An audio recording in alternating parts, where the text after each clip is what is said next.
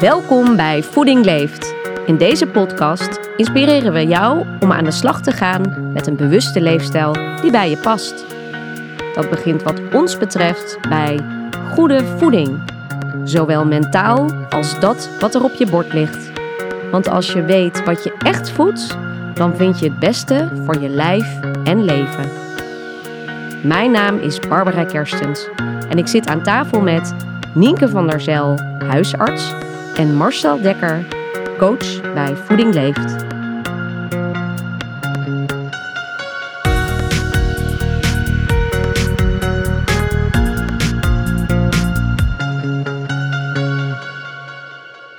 Welkom Nienke, welkom Marcel. Wij gaan met z'n drieën een gesprek hebben over stress. Vanuit allemaal een verschillende rol. Nienke als huisarts, ja. Marcel als coach. Ik als ontwikkelaar en jullie eigenlijk ook als ontwikkelaar van programma's, want dat doen wij heel veel samen. Ja. Nienke, het lijkt me nou heel leuk als jij eerst even een mini-college over stress geeft. Wat dat is, wat gebeurt er in je lichaam? Ja, um, dat ga ik proberen in woorden uit te leggen. Meestal gebruiken we daar natuurlijk ook iets van plaatjes bij. Maar eigenlijk komt het erop neer dat wij een zekere mate van stress heel functioneel is. Dus als we stress ervaren, bijvoorbeeld ik zie een tijger lopen en dan moet ik voor wegrennen, dan is het heel functioneel dat ik adrenaline en cortisol aanmaak, waardoor ik uh, energie vrijmaak om te gaan rennen en te zorgen dat ik niet word opgegeten. Uh, wat we nu veel vaker zien is dat we chronische stress hebben. Dus normaal gesproken, als dan die tijger weer weg is, dan ontspant mijn lichaam en dan treedt er een fase van herstel op. En op het moment dat je chronische stress hebt, dan uh, krijgen dus hè, in je hersenen gebeurt eigenlijk alles. Daar is een centrum voor emotie en, en gedrag. Uh, maar daar is ook het denken en daar worden ook je spieren mee aangestuurd en, en, daar gebeurt echt alles. Uh, en als je chronische stress hebt, dan is die mate van ontspanning er niet meer. En dan is er dus een disbalans tussen je twee zenuwstelsels. Dus we hebben een zenuwstelsel voor actie en we hebben een zenuwstelsel voor rust. En die twee horen met elkaar in balans te zijn. En die maken een golfbeweging. En als die golfbeweging verdwijnt en we alleen maar in de stress hangen, dan gaat het niet goed. Dan krijg je daar last van in je lijf. En wat voor last? Ja, wisselt heel erg per persoon. Vaak zien we mensen met hartkloppingen, uh, overmatig zweten, trillen. De een krijgt hoofdpijn, de ander krijgt rugklachten. Uh, eigenlijk zegt het lichaam stop, zo gaat het niet. Je moet iets gaan veranderen, want op deze manier uh, maak je je lijf kapot en hou je het niet vol. Veel mensen krijgen concentratieproblemen, uh, kunnen minder goed nadenken. Uh, dus ook op je brein, die, uh, die wil eigenlijk uit. Ja, dus niet alleen fysiek, ook mentaal, emotioneel kan ik me ook voorstellen. Ja, ik zie vaak mensen die overprikkeld raken. Dus ze verdragen minder geluid. Ik, ik omschrijf het vaak bij mijn patiënten als een soort gespannen elastiekje. Die heeft maar heel weinig nodig om dan meteen heel wijd uit te slaan. Terwijl als je elastiek ook af en toe slap hangt, dan ja, dat geeft een andere spanning. Dus dat is waar je eigenlijk naartoe wil. Je zegt er is nu heel veel chronische stress. Kun je, wat jij ziet in de spreekkamer, hoeveel mensen ervaren chronische stress? Nou, dat is heel moeilijk. Kijk, de mensen die ik natuurlijk op mijn spreekkamer zie, die in mijn spreekkamer zie, die hebben al klachten. Uh, dus een, een, nou, ik denk zeker 50% van de mensen die ik op mijn spreekuur zie, daar speelt uh, spanning, overmatige spanning een rol in. Ja, en jij draait er meteen om naar spanning, want uh, Marcel, stress is volgens mij niet echt jouw woord, toch? Nee, dat klopt. Ik vind het wel heel mooi uitgelegd door Nienke. Uh, maar dat klopt inderdaad. Ik heb de ervaring met de mensen in de verschillende programma's. Is uh, als je dit behandelt als stress, dan, dan uh, richt je je aandacht, hè, dus eigenlijk gerichte aandacht, focus, je energie, richt je dan op stress. En uh, daar wat je, dat wat je aandacht geeft, groeit. Dus dan geef je ook de stress, geef je weer een kans om te groeien. Dus, uh, nou goed, die zei het heel mooi spanning. Dus ik haal het eigenlijk uit elkaar. Uh, tussen spanning en ontspanning. En Nienke zei al straks, het gaat om balans. Eigenlijk gaat alles in ons leven over balans. Uh, ook hoe we in het leven staan gaat over balans. Um, dus hoe kun je nou een goede balans vormgeven tussen spanning en ontspanning? Omdat die spanning soms heel functioneel is inderdaad. Um, wat ik dus doe met mensen is om te kijken oké, wat geef je nou spanning? Hè? Dus hoe herken je de spanning in je leven? En hoe kun je dan inderdaad ook je aandacht verschuiven naar wat je ontspant? En dan vraag ik aan mensen, oké, wat ontspant jou allemaal? En dan kan het gaan over hobby's of over bezigheden of over sporten of over in beweging zijn of muziek maken. En zeg van, hoe vaak heb je dat dan ingericht, zeg maar, in je dagelijkse structuur of wekelijkse structuur, dat je dat soort momenten kent, waardoor je dus je aandacht richt op ontspanning. Ik noem het ook wel eens van de, de, de spanning, daar, daar lek je energie. En de ontspanning, daar doe je weer energie op. En hoe breng je dat dan in balans? En hoe bewust je daarmee kan omgaan, ja, hoe beter je, je energiehuishouding is. En dat is denk ik heel belangrijk. Ja, dus je maakt eigenlijk, uh, je haalt de spanning van stress eigenlijk af, hè, van het woord stress. En je zet uh, een tegenpol tegenover spanning. Dus meteen ook de oplossing noem je daarbij. Ja, in ieder geval de mogelijkheid om dingen in balans te brengen. Mm -hmm. dus als je alleen maar stress hebt, dan is er geen balans te, aan te brengen. Je hebt alleen stress. En ik geloof heel erg in dat uh, ja, die balans is heel belangrijk. Dus uh, eigenlijk zeg ik wel zeggen mensen, als je, als je in je leven, als je goed gaat staan in je leven en je pakt de regie in je leven, dan zullen er altijd live events noemen dat. Hè? Dus, dus omstandigheden zijn die je uit balans brengen. En de kunst is dan van oké, hoe zorg ik ervoor? Hoe weet ik wanneer ik weer in balans kom? Dus ik maak iets mee en dat brengt mij uit balans. En hoe kom ik dan weer in balans? Ja, en dan zeg je dus hoe kom ik weer in balans? Maar de, het is natuurlijk ook interessant om te herkennen wanneer je uit balans bent. Wat je hebt. En jij noemde net, eh, Nienke, verschillende symptomen of wat er qua gedrag fysiek gebeurt, wat er emotioneel of mentaal gebeurt en ook emotioneel. Hoe herken je dat? Kun je een soort lijstje maken dat je, dat je weet wat je doet als er spanning is? Ja, zeker. Ik, uh, ik werk natuurlijk dan veel met mensen die, waar ik, ik laat de mensen opschrijven, zeg maar, wat, hè, wat geef je dan spanning? Of waar loop je op leeg? Wat, kost je nou echt energie? En wat levert je dan energie op? Maak, maar, maak dat maar eens inzichtelijk voor jezelf. Want bewustwording gaat natuurlijk over inzichtelijk krijgen hoe het voor jou werkt. En dan zie je wel dat ze weten, oh ja, die mantelzorg, die, waar ik niet uh, van weg kan, want ik ben daar verantwoordelijk voor. En dat kost mij heel veel energie. dat, dat is spanning. Oké, nou dan dat kan, maar die kun je dus niet zoveel aan doen. Wat kun je aan de andere kant dan doen om te zorgen dat jouw ja, energieniveau wel dusdanig blijft dat je dat wel kunt blijven doen? Want het is ook een verantwoordelijkheid voor je. En zo kunnen mensen gaan, ja, ik noem het een beetje spelen ja. met de balans.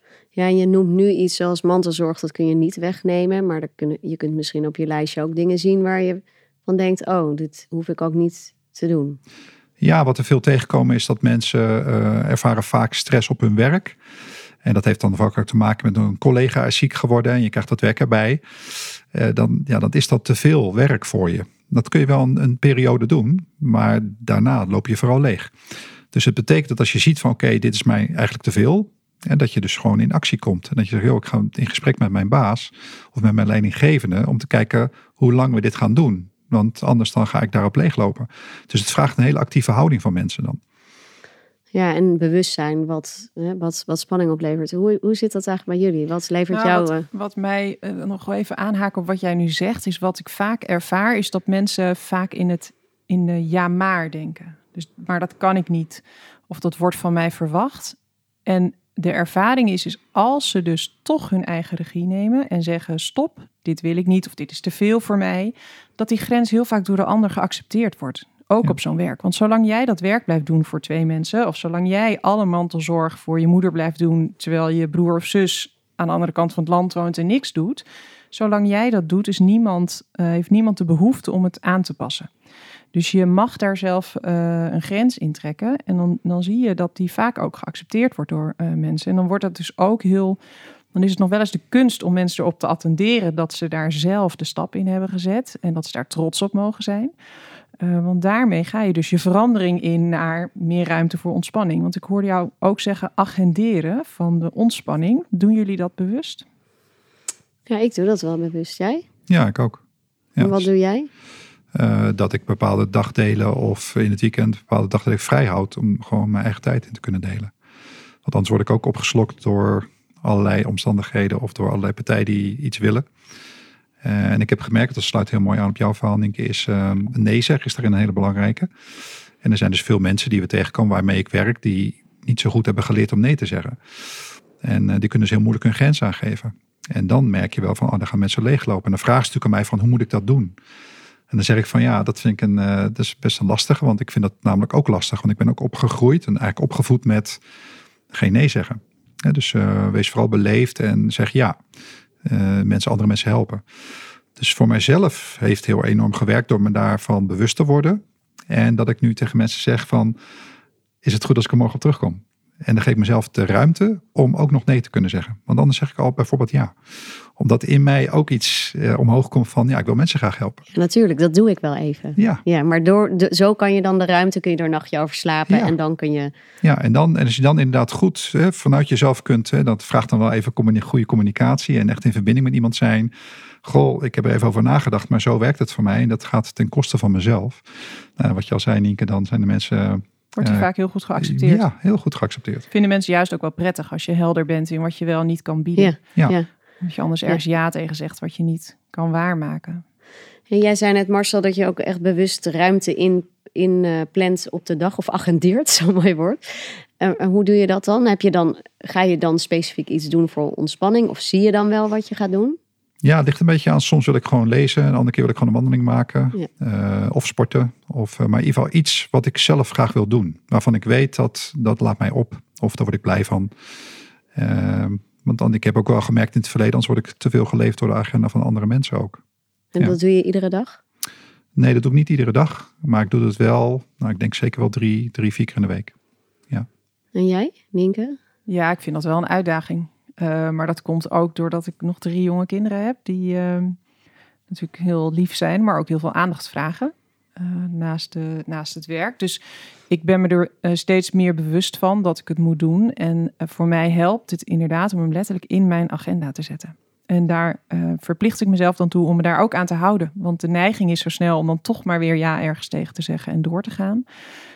Maar ik merk dan aan mezelf dat ik toch geïrriteerd raak of een korter lontje heb. Dus daar help ik eigenlijk niemand mee. Ik kan me voorstellen als huisarts, maar ook als coach, dat dat soms best lastig is, omdat je zo graag mensen wil helpen. Maar je zegt, ik ben eigenlijk, als ik het er zo doorheen hoor, een betere huisarts als ik af en toe gewoon nee zeg of een blok in mijn agenda heb. Ja, zeker. Dus ik merk dat als ik uh, zelf overloop, dan heb ik ook minder ruimte voor uh, uh, de verhalen van anderen. En dat kan ook bijvoorbeeld personeel zijn. Of, en dat is voor mij inmiddels een goed signaal geworden van hé, hey, je moet even een stap terug doen. En dan betekent dat dat ik de stilte opzoek. Um, en dus, hoe doe je dat? Ja, of de, het gaan wandelen. Of um, toch thuis meer rust op zoek. Ja, dat helpt voor mij heel goed. Ja, ik merk ook die blokken in de agenda. En wat ik heel fijn vind is, uh, sinds kort uh, sta ik heel vroeg op. Nu heb ik geen jonge kinderen meer, dus die, zijn dan, die slapen dan nog lekker, mijn pubers. maar dan heb ik echt alle ruimte om dan wel te wandelen, hard te lopen, te lezen. Nou, er is echt een zee van ruimte. Um, en ik, ik merk ook als ik zelf ruimte heb, dat ik veel beter kan bewegen. En ook veel meer bewust ben van wanneer er spanning is. En dat je direct weer daarop kan acteren. Ja. Ik kan het confronterend vinden dat je als je zelf gespannen bent, zeker kinderen voelen dat natuurlijk heel goed aan.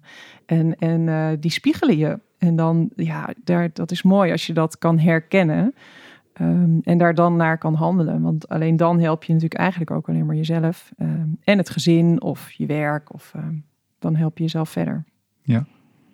ja, wat ik ook heel mooi vind is dat. Uh, dit gaat heel erg over. Nou ja. Uh, of hobby's of dingen doen voor jezelf. Maar ik heb ook gemerkt dat, uh, dat in het programma waar wij, de mensen waar wij in begeleiden, zeg maar, dat voeding ook een hele belangrijke factor is. En dus uh, bijvoorbeeld drie keer per dag eten, waardoor je tussen de maaltijden door je lichaam ook meer tot rust kan komen. En dat heeft, ik heb ook gemerkt dat mijn lichaam dat ook heel veel rust geeft. Dus ik, uh, ik eet nu zelf uh, twee keer per dag. Uh, goede verzadigde maaltijden. En ik merk dat mijn lichaam heel erg gebaat is bij de rust die het heeft, zeg maar, om niet met voeding dan in de weer te zijn de hele dag. Dat, kan, oh, dat heeft ook te maken met rust en ontspanning. Ja. En wat me dat dan oplevert. Want het levert mij dus ook heel veel energie op. Had ik ook nooit gedacht. Nee.